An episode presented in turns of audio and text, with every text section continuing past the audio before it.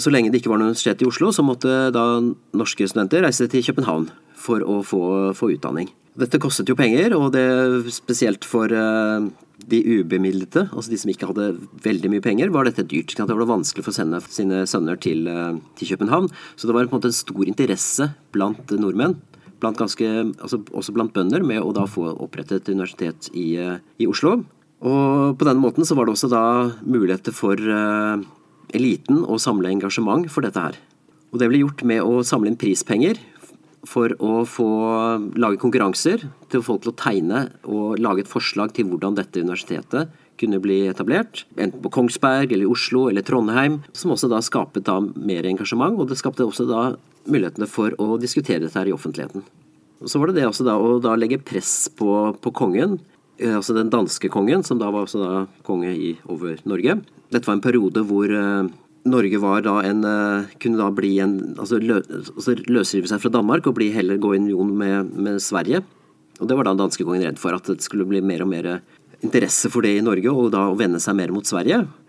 Og da, Det brukte da grev Edel Jarlsberg strategisk med å da ha kommunikasjon i eh, Sverige, og måtte ikke legge skjul på det, at han hadde samtaler med, med Sverige, og da bruke det som pressmiddel mot danskekongen for å vise at uh, hvis ikke du på en måte gir Norge noe, så kan vi kanskje vende oss mer mot Sverige. Så Det er et sånn typisk lobbyvirksomhet som vi kaller det i dag. ikke sant? At man uh, prøver å gi noe, man legger press på politikere for å da få oppnå det man selv ønsker. Så dette, dette, tror jeg også var utrolig viktig for den videre kampen for norsk selvstendighet. Altså det viste at faktisk det var mulig for, uh, for nordmenn å legge press på danskekongen. Det var mulig for, for nordmenn å endre det norske samfunnet. Så lenge vi var under den danske kongen, så, så, så var det ikke mye endring. Var, norske, Norge var eh, et eh, nærmest forlatt sted hvor det ikke var noen institusjoner. Man måtte reise til Danmark for å få utdanning.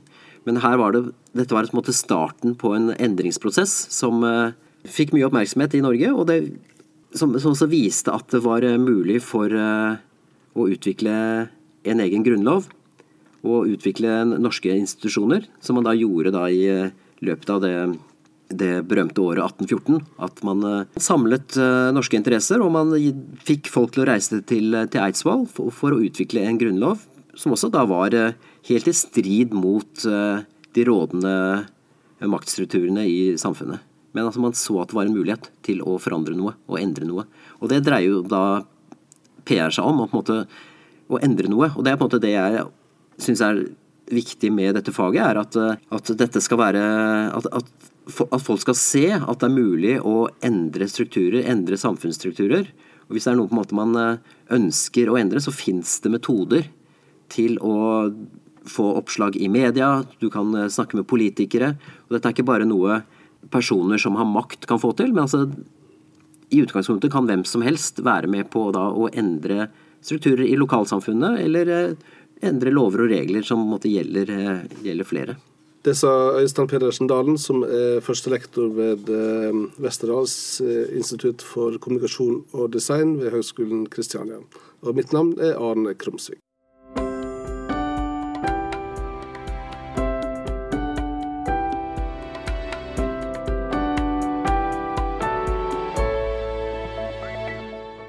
Det jeg er opptatt av i min forskning, er å vise at PR og strategisk kommunikasjon er en aktivitet som har holdt på lenge, også i Norge.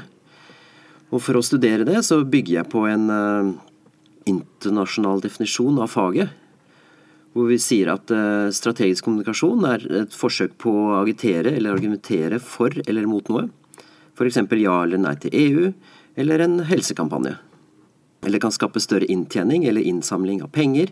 F.eks. TV-aksjonen for ideelle organisasjoner som NRK og mange TV-stasjoner eh, holder på med.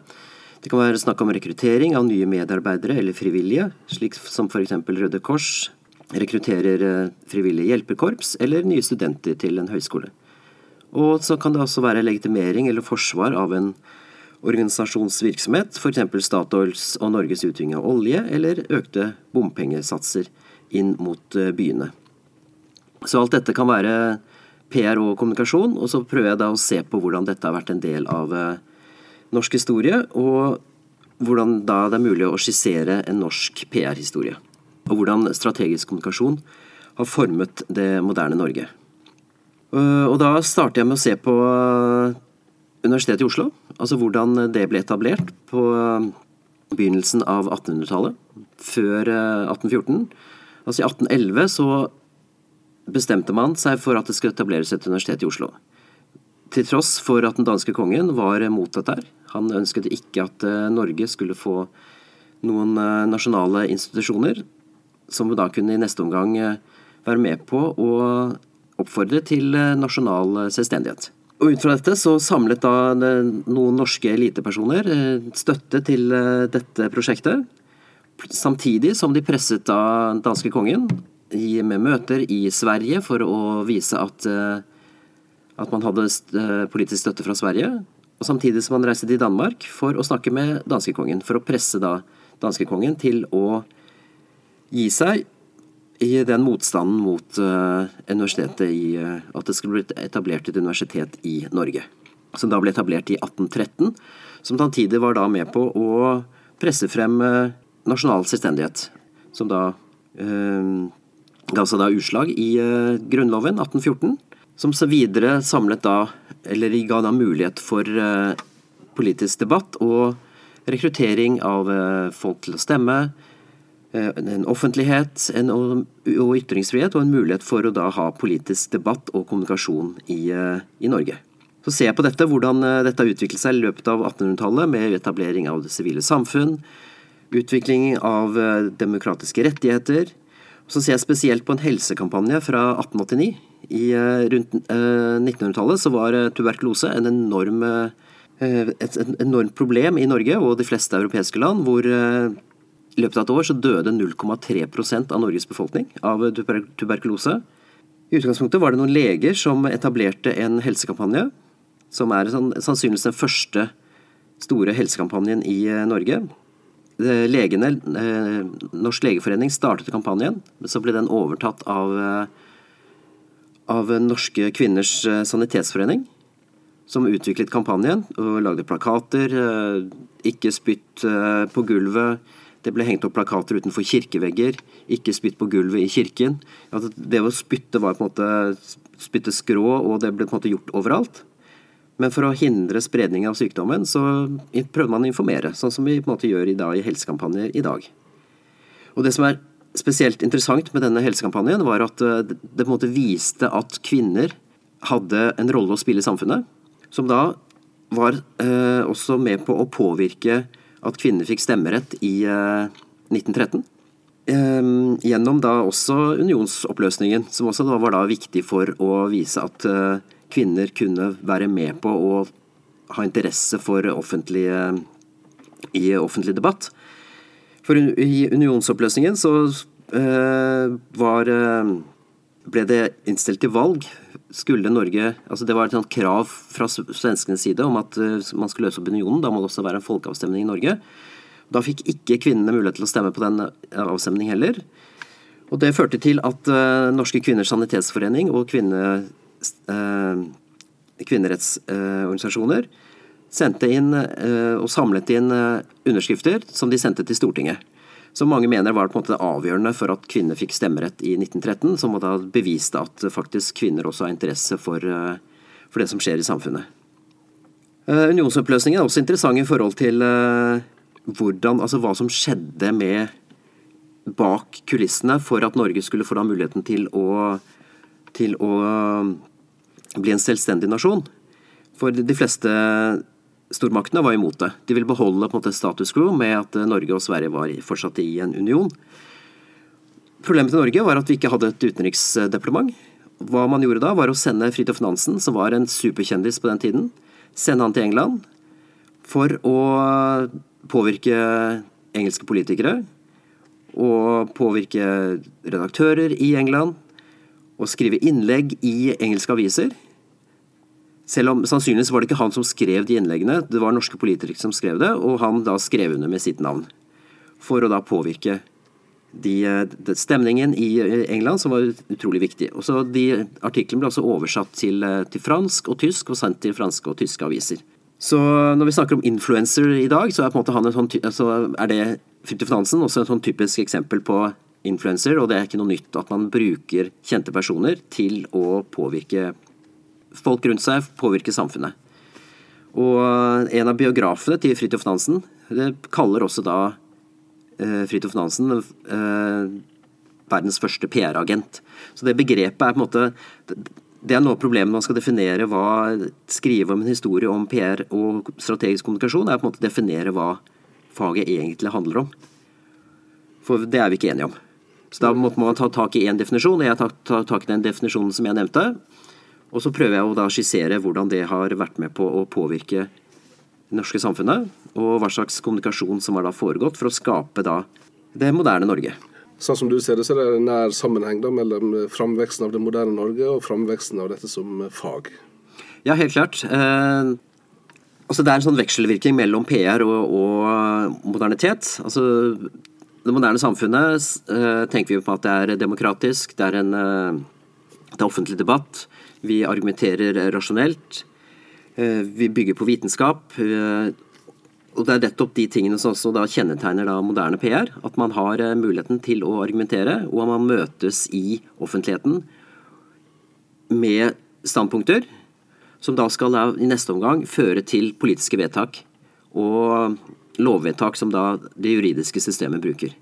Som, på en måte sånn, eh, som bygger da på Hamas sin tenkning om at man har eh, kommunikativ handling man har kommunikasjon i offentligheten, og det i neste omgang skal da føre til da, politiske vedtak.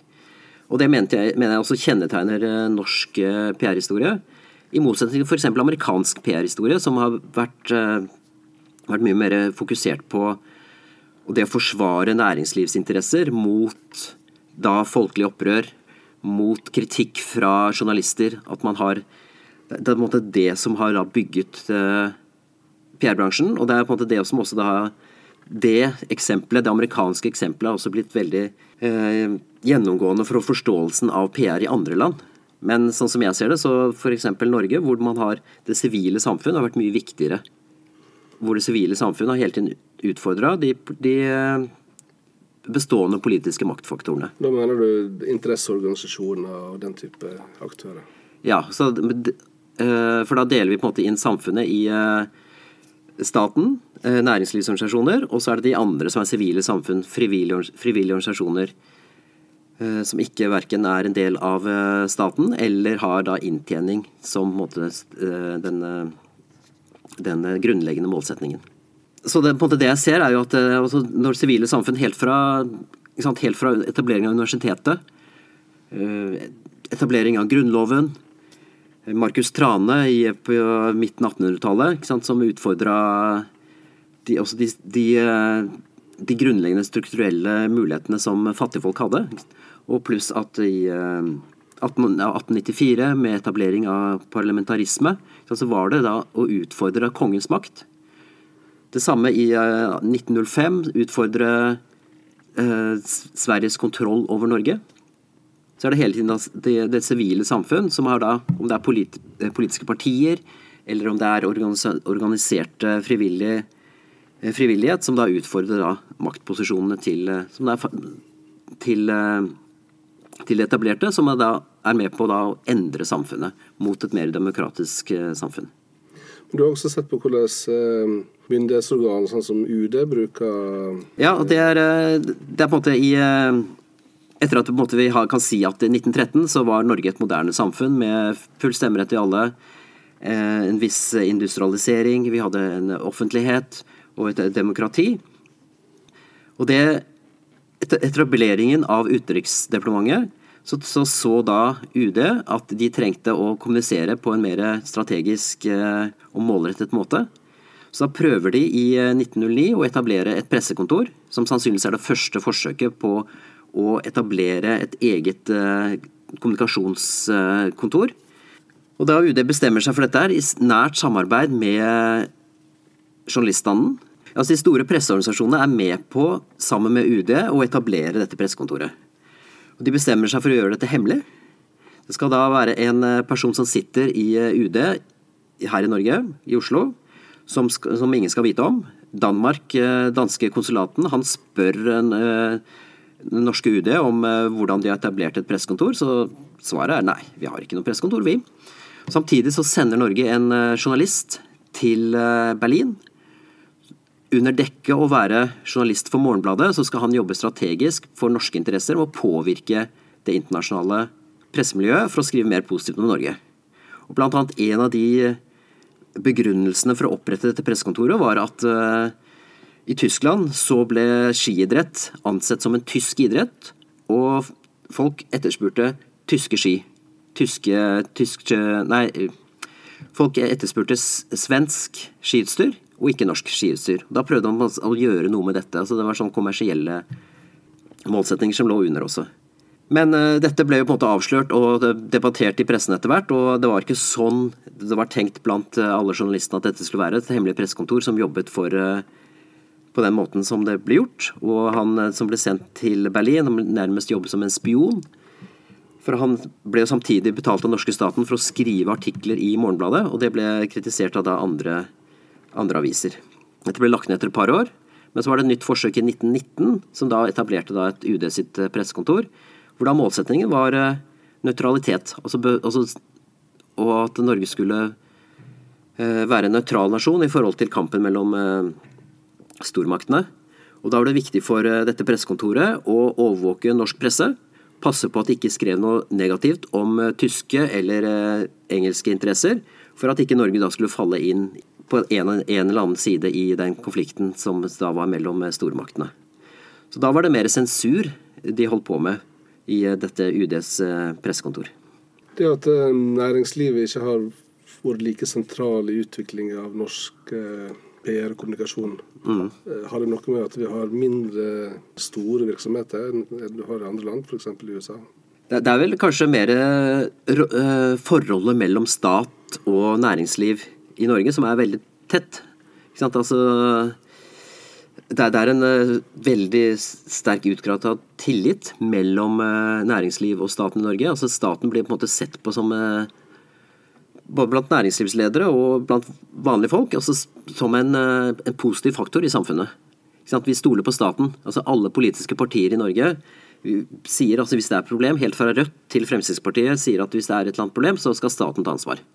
I motsetning til eh, f.eks. USA, hvor staten blir heller sett på som en eh, bremsekloss og en ulempe for utvikling av, eh, av næringsliv eller individets rettigheter. Så det behovet for, for næringslivet til å, å, markere sine Altså gi, altså få muligheten til å utvikle og et handlingsrom er vel ikke så sterkt i Norge. Men vi ser jo også at de siste årene, altså etter etter 1970-1980 så har PR-bransjen utviklet seg på en annen måte. Og det er noe av problemet til PR-bransjen også, for at de fleste forbinder PR med PR-byråene. Og PR-byråene har jo på en måte en sånn eh, en fordel av at PR blir fremstilt som noe udemokratisk, noe mystisk. For dermed, det er på en måte den varen de selger, er jo det at de kan tilby noe som eh, ingen andre kan tilby hvis man henvender seg til et PR-byrå, så kan man få til ting som ingen andre klarer. Og det er noe også da journalistbransjen er med på å spille på. At, eh, at det forholdet mellom eh, PR-bransjen og, og, journalister er eh, Hvis man i hvert fall leser i media, så virker det som det er veldig anstrengt. For det er noe både da journalistene bygger opp om, og PR-byråene bygger opp om. Men sannheten er jo at det er utrolig mye samarbeid mellom kommunikasjonsfolk og journalister. I de fleste, aller fleste tilfeller så hjelper jo kommunikasjonsfolk journalister med å finne frem til informasjon. Selvfølgelig det finnes unntak, og det finnes uh, tilfeller at man holder unna informasjon, men altså de fleste som jobber med PR og kommunikasjon, jobber jo i uh, statlige virksomheter, jobber i frivillige organisasjoner, hvordan man jobber for noen ideer som man ønsker å få frem, som man da tipser også da journalistene om. Og så da skaper den offentlige debatten. Du viser at det er en et ulik historisk framvekst av mm. PR og kommunikasjon i, i Norge og f.eks. i USA. Mm. Men hvis du, hvis du, ser på dagens situasjon, i hvor stor grad bærer den preg av denne historiske forskjellen? Når det gjelder kommunikasjon, så er kanskje største forskjellen mellom Norge, og spesielt USA og en del andre land, er tillit. Altså, altså den, ut, den, store tilliten vi har til hverandre. Det er vel et argument for, eller man prøver å argumentere for, å forklare den høye tillitsnivået Norge med nettopp at det sivile samfunn har spilt en så avgjørende rolle i utviklingen av det norske samfunnet. Altså den Demokratiseringen og utviklingen av nasjonalstaten Norge har blitt bygget veldig mye på det sivile samfunn. Um, og det er på en måte det har vært uh, så, altså Når vi har på en måte så stor tillit til hverandre, så måtte også det, det preger jo da kommunikasjonen mellom uh, samfunnsgrupper og, og mellom da de ulike systemene i samfunnet. Altså mellom stat, sivile samfunn og næringsliv.